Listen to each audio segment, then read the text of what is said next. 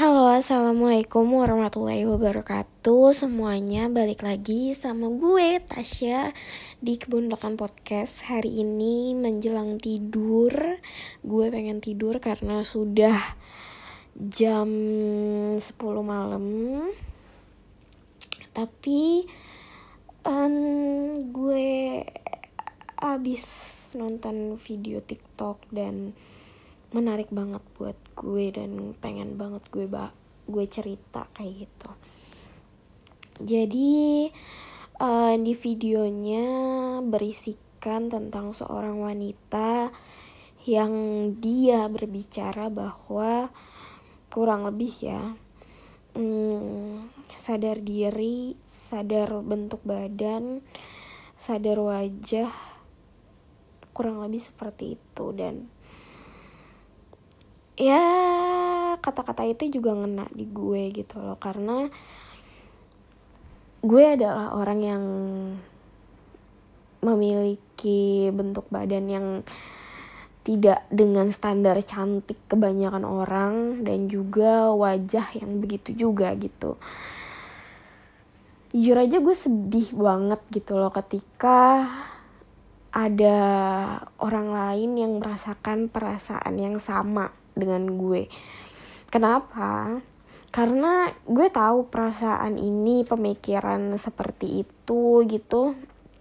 Itu tuh pemikiran yang salah bisa dibilang tapi hal itu selalu apa ya selalu nggak bisa dihindarin kayak gitu loh. Karena memang apa ya gue nggak tahu laki-laki itu kayak gimana gue nggak juga gue juga nggak tahu bagaimana seorang laki-laki memilih pasangannya.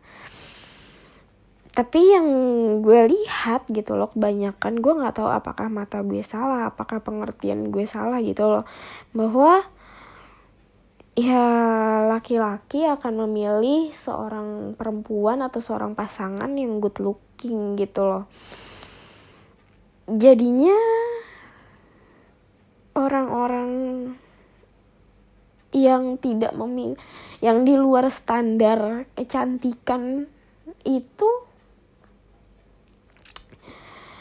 ya tersingkirkan gitu loh. Makanya gue bersyukur banget gitu loh. Udah banyak banget brand-brand di luar negeri yang um, mengeluarkan model-model istilahnya standar kecantikan mereka tuh yang dulu um, putih kurus gitu langsing uh, rambut panjang kayak gitu. Itu tuh banyak banget yang dirubah jadi ya badan berbadan besar terus juga berkulit gelap rambut pendek kayak gitu. Sudah sudah banyak banget yang kayak gitu. Tapi apa ya pasti juga hal itu tuh nggak mudah gitu loh banyak banget juga hal apa ya kayak pro kontranya tuh banyak banget gitu loh. Dan juga dan nggak bisa dipungkirin gitu loh bahwa standar kecantikan ya memang seperti itu. Bahkan lebih banyak ajang pencarian putri atau pageant itu yang standarnya ya seperti itu. Putih langsing kurus tinggi. Uh, ya kurang lebih kayak gitu rambut panjang kayak gitu. Jarang banget yang tidak dengan standar itu. Kayak kesannya ya memang otak tuh belakangan gak sih? Yang penting ya penampilan kayak gitu kayak ya gue nggak makanya sampai sekarang tuh gue nggak ngerti gitu loh. Dan kadang gue juga kayak mikir hmm, gue ada di titik ya gue uh, istilahnya dalam umur yang siap menikah gitu. Tapi kadang gue juga mikir um, apakah ada laki-laki yang um, mau dengan gue? Gitu loh. Dalam, dalam tanda kutip tuh kayak gitu. Tapi sampai sekarang gue masih berpikiran seperti itu apalagi dengan zaman yang kayak zaman yang kayak gini zaman zaman yang kayak gini ya. Dan gue bukan orang yang bisa deket sana sini dengan cowok. Gue tuh apa ya ya gue tuh susah banget deket sama cowok deket sama perempuan aja gue susah. Apalagi deket sama cowok dan mm, kalau ada cowok yang deketin gue pun dengan ya basa basi gue tuh nggak suka.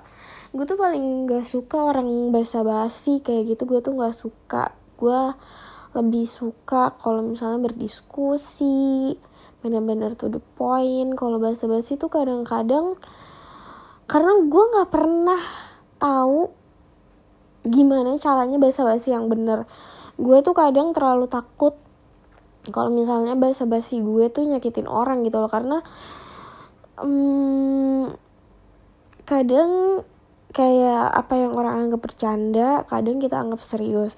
Apa yang kita anggap bercanda orang lain anggapnya serius gitu loh. Gue tuh tuh uh, takut terjebak dengan hal itu. Dan ya karena peng sepengalaman gue hal itu tuh sering banget terjadi di kehidupan gue makanya gue tuh takut untuk deket sama cowok karena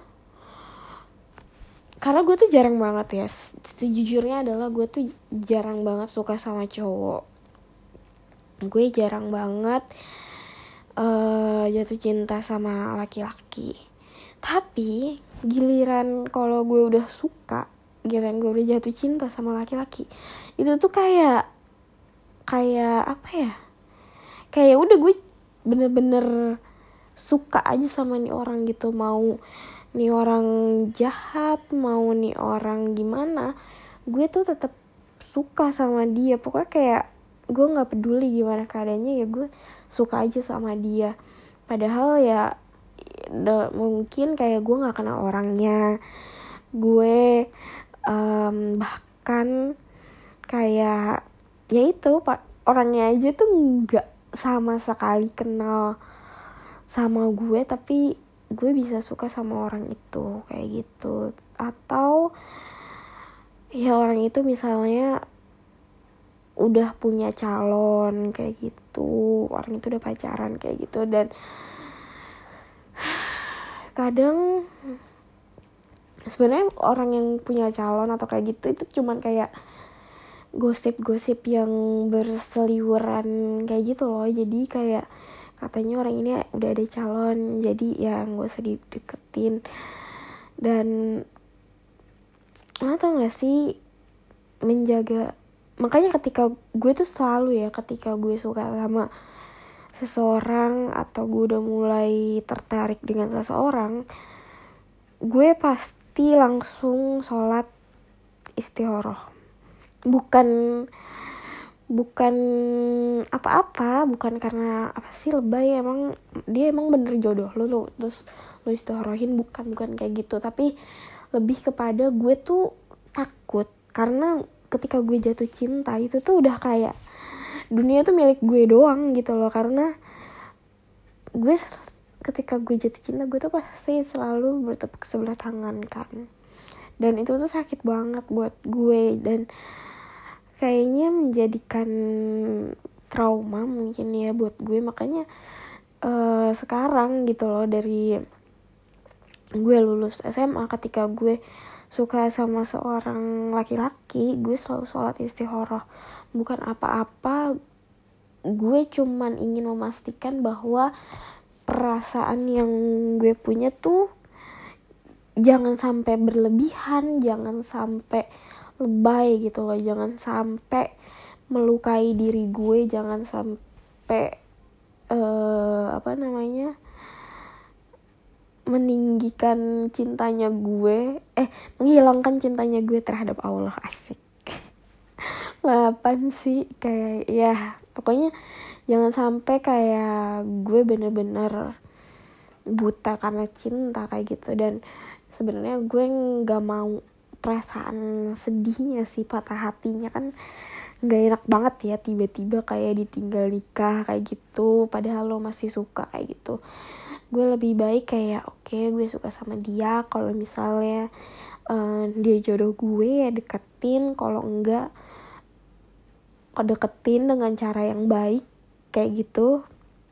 Tapi kalau enggak jauhkan perasaan ini uh, jadikan pertemuan ini sebagai pertemuan yang terbaik juga. Maksudnya biar gue dapet hikmahnya dia juga dapet hikmahnya kayak gitu. Pokoknya gue selalu berdoa biar kayak ketika gue dipertemukan dengan uh, seorang laki-laki yang mana itu jodoh gue gue pengennya uh, walaupun gue bukan anak baik-baik juga ya gue bukan orang yang uh, alim-alim amat gue bukan kayak gitu. Tapi gue ingin ketika gue bertemu dengan jodoh gue itu adalah orang yang apa ya yang bener-bener dengan cara yang baik gitu loh. Gue ingin bertemu orang baik dengan cara yang baik. Makanya ketika gue istihoroh gue selalu doa kalau misalnya memang uh, gue selalu niatkan kalau misalnya memang dia jodoh gue kayak gitu ya tolong dekatkan dengan cara yang baik. Kalau misalnya saat ini adalah saat yang tepat. Tapi kalau misalnya saat ini bukan saat yang tepat biarlah kita gue dan laki-laki itu misalnya menunggu sampai saatnya tiba kayak gitu. Pokoknya gue minta dengan cara yang baik dengan cara yang barokah. Pokoknya dengan tidak melanggar atau berzina semacamnya dalam bentuk apa pun kayak gitu. Jadinya um, apa ya kadang kan kalau misalnya kita chatan dengan orang yang kita suka walaupun um, walaupun jarang-jarang kayak gitu kan walaupun kayak cuman apa gitu yang sepele-sepele kayak gitu tapi kadang-kadang tuh hati kita kan berbunga-bunga juga gitu loh nih orang ngechat kayak gini-gini nah gue tuh menghindari perasaan itu karena gue tahu perasaan itu adalah ya setan gitu kan ya setan dalam diri gue yang lagi keluar bahwa um, itu tuh harusnya nggak boleh gitu loh. Karena kan gue sama dia bukan mahrom kan bukan muhrim. Mahrom apa sih? Bukan muhrim jadinya ya harusnya tidak boleh hal seperti itu terjadi. Makanya gue takut banget kalau misalnya gue suka sama seseorang apalagi kalau misalnya orang itu masih berhubungan sama gue kayak gitu. Gue takut banget. Ya karena kan zaman sekarang gitu loh zina tuh bentuknya macam-macam. Seperti yang tadi gue bilang kayak chat-chatan yang mungkin masalah-masalah sepele kayak ya mungkin aja kabar atau apa. Tapi kalau kita hati kita udah niat nyalahin itu kan udah dalam bentuk zina juga. Jadi kayak takut banget gak sih? Makanya ah gue tuh membatasi diri bang diri banget. Makanya kadang-kadang gue tuh mikir kayak ada nggak ya jodoh gue? Ada nggak ya jodoh gue? Gitu. Mungkin gak ya gue dapet jodoh? Kayak gitu. Karena hmm, keadaan gue yang kayak gini terus cara sosialisasi bersosialisasi gue dengan cowok kayak gini mungkin atau enggak ya? Menurut lo kayak gimana? Kalau misalnya lo cowok kalau misalnya lo nemuin cewek kayak gue yang susah banget dideketin terus misterius banget jutek banget kayak gue lo bakal kayak gimana? Atau mungkin uh, lo bakalan milih untuk perjodohan atau taaruf kayak gitu kan. Sekarang juga um, banyak taaruf. Gue juga sebenarnya mungkin gue kayak kepikiran tahun depan kalau um, kodarnya gitu kan. Gue mungkin pengen coba taaruf kayak gitu. Apakah kalian akan mencoba juga dengan taaruf atau bagaimana? Kalau gue yang tidak memiliki banyak teman yang tidak memiliki banyak relasi kayak gitu pasti insya Allah kayaknya gue akan memilih jalur itu. Gue akan minta ditaarufin sama kedua orang tua gue untuk jodoh gue kayak gitu. Karena gue juga nggak tahu gitu loh apakah dan di manakah jodoh gue tuh gue nggak tahu karena gue punya temen di sedikit dan teman-teman yang gue kenal ya ya udah sekadar kenal aja. Nggak ada yang deket banget tuh nggak ada. Deket ada tapi udah lama banget gak kontekan. Tapi juga kayak ya udah gitu. Ya kalau kalian laki-laki apa yang akan kalian lakukan? Kalau kalian perempuan apa yang akan kalian pilih? Apakah kalian juga mau taaruf? Karena kalau dilihat perempuan-perempuan jarang zaman sekarang tuh teman-teman gue kalau gue tanyain mereka agak sedikit takut dengan taaruf kayak gitu. Kalau gue sejujurnya gue dengan gamblangnya gue mengatakan gue memilih untuk dijodohkan kayak gitu. Dari dulu gue memilih itu. Tapi ya nggak tahu ya nggak tahu juga nanti kodarnya seperti apa. Apakah akan ada temen gue yang melamar gue? Kayak gitu. Tapi kan uh, kelihatannya tidak mungkin. Tapi kita nggak tahu ap hmm, kodar Allah itu seperti apa. Uh, teman-teman gue tuh jarang banget ada yang ingin taaruf atau semacam hal seperti itu gitu loh. Mereka lebih memilih ya temen lingkungan mereka gitu loh circle mereka. Karena mm, mereka pikir kayak ya itu adalah orang itu adalah kayak cara mereka untuk saling mengenali sebelum pernikahan. Kalau menurut gue dari proses ta'aruf juga nggak ada yang salah gitu loh. Malah menurut gue itu difasilitasin gitu loh. Karena dari orang-orang yang berpengalaman dalam pernikahan mereka jadi tahu apa yang kita butuhkan nih dalam pernikahan. Kalau menurut gue seperti itu. Jadinya uh, pasti kan kayak hubungan gue sama laki-laki di dipantau oleh orang lain orang yang lebih tua ya mungkin atau yang mengurusi di bagian taruh semacamnya pasti mereka juga lebih mengerti pro, apa itu pernikahan segala macam apa yang dibutuhkan laki-laki. Tanggung hak dan kewajiban laki-laki hak dan kewajiban perempuan suami dan istri itu bagaimana. Uh, jadi ya karena difasilitasin kalau menurut gue jadinya hmm, mungkin akan sama aja gitu loh dengan memilih laki-laki di circle kita gitu.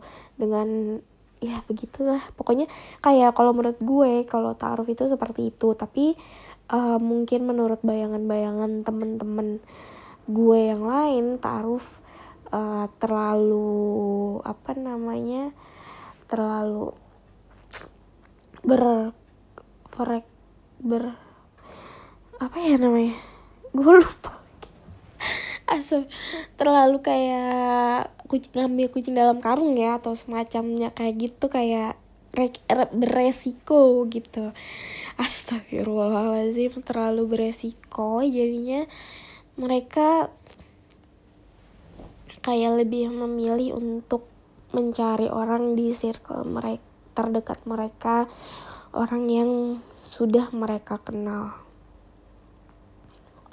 Gue nih kayak bingung juga gitu loh. Dan kepo sebenarnya kalau di mata laki-laki tuh mereka inginnya yang seperti apa dengan cara yang seperti apa. Kalau gue sih sepertinya gue akan memilih cara insya Allah ya uh, taaruf itulah semacam seperti itu.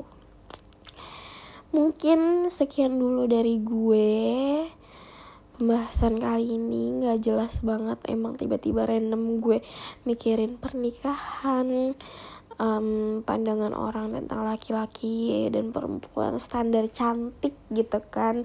Dan mungkin juga laki-laki ya nggak sih? Kadang-kadang ada standar ganteng kayak gitu. Kalau gue jujur aja gue gue tuh gue tahu orang ganteng sama orang yang gak ganteng. Tapi gue suka sama orang gue tuh tidak dengan standar ganteng atau enggak kurus atau gendut. Malah gue tuh lebih suka orang yang gue ya kalau gue gue tipe badan yang gue suka adalah uh, yang badannya berisi tinggi udah gitu. Gue nggak suka orang yang kurus-kurus banget tuh gue kurang suka karena nggak tahu ya mungkin mengingatkan gue dengan ayah gue gitu kan. Ayah gue kan badannya kurus banget. Ya lumayan kurus hingga kurus banget. Main kurus. Jadi gue tuh gak seneng kayak serem gitu kalau gue tuh kalau ngeliat orang kurus tuh kayak serem banget. Kayak dilihatin gue ini orang nanti tulangnya potek atau gimana kayak gitu. Tapi kalau gue senengnya melihat laki-laki tuh yang badannya berisi. Ada ada salah satu artis Korea. Gue tuh nonton di reality show namanya tuh Home Alone. Nah dia tuh badannya berisi cukup berisi gitu lah. Terus tinggi gitu terus gue kayak ya Allah ini tipe ideal gue banget kayak gini. Tapi ya kan itu kan orang Korea dan nggak mungkin juga kan kayak gitu. Gue dapat kayak gitu ya. Tapi orang-orang yang rata-rata yang gue suka itu tuh um, macem-macem gitu loh. Nggak yang dengan um, mirip-mirip standarnya kayak gitu atau yang gue sebutin itu. Enggak gue tuh kadang gue bisa suka sama orang tapi intinya orang-orang yang gue sukain itu rata-rata tuh pinter. Hmm, gue nggak tau pinter pinter dalam pengertian gue ya. Mungkin pinter dalam pengertian orang lain berbeda. Tapi pinter jenius dalam pemikiran gue itu seperti itu. Orang yang seru dia kayak kayaknya ya. Karena seperti yang gue bilang gue kayak lebih banyak orang itu yang gue suka nggak kenal gue kayak gitu orangnya tuh kayak berwawasan punya berwawasan luas seperti itulah kayak gitu. Pokoknya pinter kayak gitu. Nah gue tuh suka deh orang pinter. Makanya tipe gue tuh kayak random. Tipe gue tuh kayak random banget nggak jelas banget. Pokoknya intinya gue tuh suka orang orang yang pinter gue suka banget. Karena gue kan susah banget ya diajak ngobrol.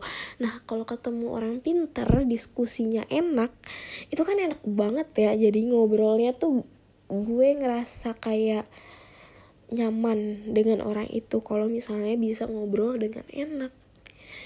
Suka sama juga gue juga suka sama orang yang bisa bercanda lucu kayak gitu. Gue tuh sebenarnya anaknya receh banget receh banget. Semua hal bisa gue uh, ketawain kayak gitu. Tapi yang orang yang dengan bawaan kayak gitu kan jarang gitu kan untuk bisa kayak seru-seruan. Apalagi saat first impression sama gua gitu kan gua kan kelihatannya jutek kelihatannya diem. Gua kan susah banget untuk beres kayak kalau pertama kali ketemu tuh kayak bahasa basinya gue tuh kayak gitu-gitu doang gitu kan. Nggak yang bener-bener ya ngeluarin gue aslinya. Asli Astagfirullah. aslinya tuh gue receh banget banget. Makanya gue gue suka banget cowok humoris humoris berwawasan pinter tuh. Masya allah banget gak sih? Paham lagi paham agama. Ya allah kurang apa coba hidupnya. Ya Allah semoga aja ya gue dikasih uh, suami yang kayak gitu yang pastinya uh, banyak sih. Gue kalau gue tuh kalau doa jodoh gue minta tuh yang semoga aja ya yang gue tulis yang gue apa tuh lengkap gitu loh. Karena menurut gue jodoh itu tidak hanya seorang laki-laki saja jodoh itu juga uh, sekeluarganya orang tuanya uh, adik-adiknya kakaknya mereka itu adalah satu paket. Jadi ketika gue mendoakan jodoh gue uh, laki-laki yang ingin gue nikahin gue juga mendoakan keluarganya. Gue mendoakan uh, calon mertua gue gitu kan etis orang tuanya dia orang tuanya calon suami gue uh, dan juga adik-adik dan kakak-kakaknya. Ya gue nggak tahu kan adik dia punya adik berapa punya kakak berapa pokoknya semua keluarganya gue doain kayak gitu. Kalau gue kayak gitu karena uh, kalau gue kayak kalau di pemikiran gue ya tapi gue juga nggak tahu gitu. Karena kan gue perempuan dan gue yang akan dibawa oleh laki-laki gitu loh bahwa uh, kayak hubungan gue dengan kedua orang tua gue ketika gue menikah dengan seorang laki-laki hubungan gue sama kedua orang tua gue itu kan terputus gitu loh. Gue tidak memiliki tanggung jawab terhadap kedua orang tua gue. Tetapi um, suami gue mereka dia tetap punya uh, tanggung jawab terhadap kedua orang tuanya dan juga keluarganya. Jadinya otomatis ketika gue menikah dengan seorang laki-laki tersebut gue juga menjadi uh, istilahnya apa ya gue juga menikahi keluarganya gitu loh dan juga sebaliknya mungkin ya. Walaupun tidak secara langsung suami gue menikahi gue beliau juga menikahi keluarga gue. Walaupun uh, dia dan gue tidak memiliki tanggung jawab apa pun kalau dari segi agama. Maksudnya di di hadis tuh itu tidak ada yang menerangkan bahwa uh, gue memiliki tanggung jawab kepada gue dan suami gue nanti tidak memiliki tanggung jawab terhadap kedua orang tua gue. Karena hubungan perempuan dengan seorang orang tua itu udah selesai ketika uh, anaknya menikah kayak gitu. Dan makanya dulu sebenarnya kenapa gue uh, takut atau belum siap untuk menikah adalah hmm, karena perasaan gue dulu adalah gue belum benar-benar memberikan banyak hal kepada kedua orang tua gue. Dan gue ngerasa gue belum melakukan juga banyak hal ke adik-adik gue dan kedua orang tua gue. Karena gue tahu pada saat dulu itu gue punya banyak banget luka yang harus diobatin.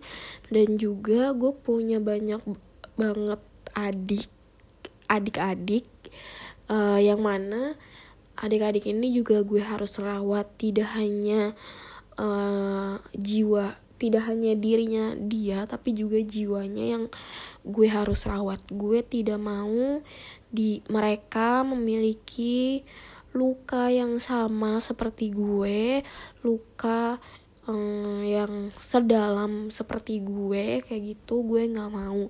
Makanya ketika gue sampai detik ini gue bilang mungkin insya Allah tahun depan gue siap untuk uh, menikah gitu kan.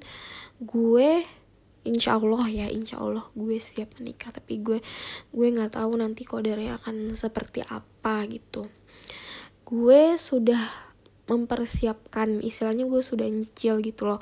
Gue sudah cukup nggak belum cukup sih. Sudah sedikit sedikit memberikan pengertian kepada kedua orang tua gue bagaimana harus bersikap kepada adik-adik gue dan juga um, gue sedikit sedikit memberitahu kepada adik-adik gue juga kakak gue sikap-sikap seperti apa yang harus kita lakukan seperti saudara. Kayak hmm, gue tahu sulit banget karena yang bergerak mungkin hanya gue tapi gue tahu ketika gue memulai sesuatu um, orang-orang sekitar gue mereka mereka ini adik-adik gue kakak gue kedua orang tua gue mereka pasti akan uh, membantu gue pelan-pelan. Karena gue tahu apa yang gue lakukan ini baik gue tahu apa yang gue lakukan ini itu bermanfaat uh, jadinya gue walaupun awalnya tuh awalnya berat banget karena um, rasanya pada saat mental gue jatuh banget terus gue apa ya gue nggak bisa ngandelin siapa pun gue nggak punya siapa pun uh, gue super deg-degan saat pertama kali gue uh, kontrol ke psikiater dan cuman diantar sama adik gue dan itu pun dia kayak cuman ya udah nganter aja gitu loh karena ah dia juga nggak ngerti apa-apa dan gue juga nggak bisa cerita tentang apa yang terjadi sama gue pada saat itu. Bahkan sampai sekarang mungkin tidak semuanya gue ceritakan karena belum bisa. Dan juga ya memang karena luka yang gue punya gitu loh gue tahu ketika gue punya luka gitu loh lalu gue nggak sembuhin luka gue gue akan punya kemungkinan besar gue melukai orang lain. Dan itu gue gak mau terjadi ke anak gue nanti.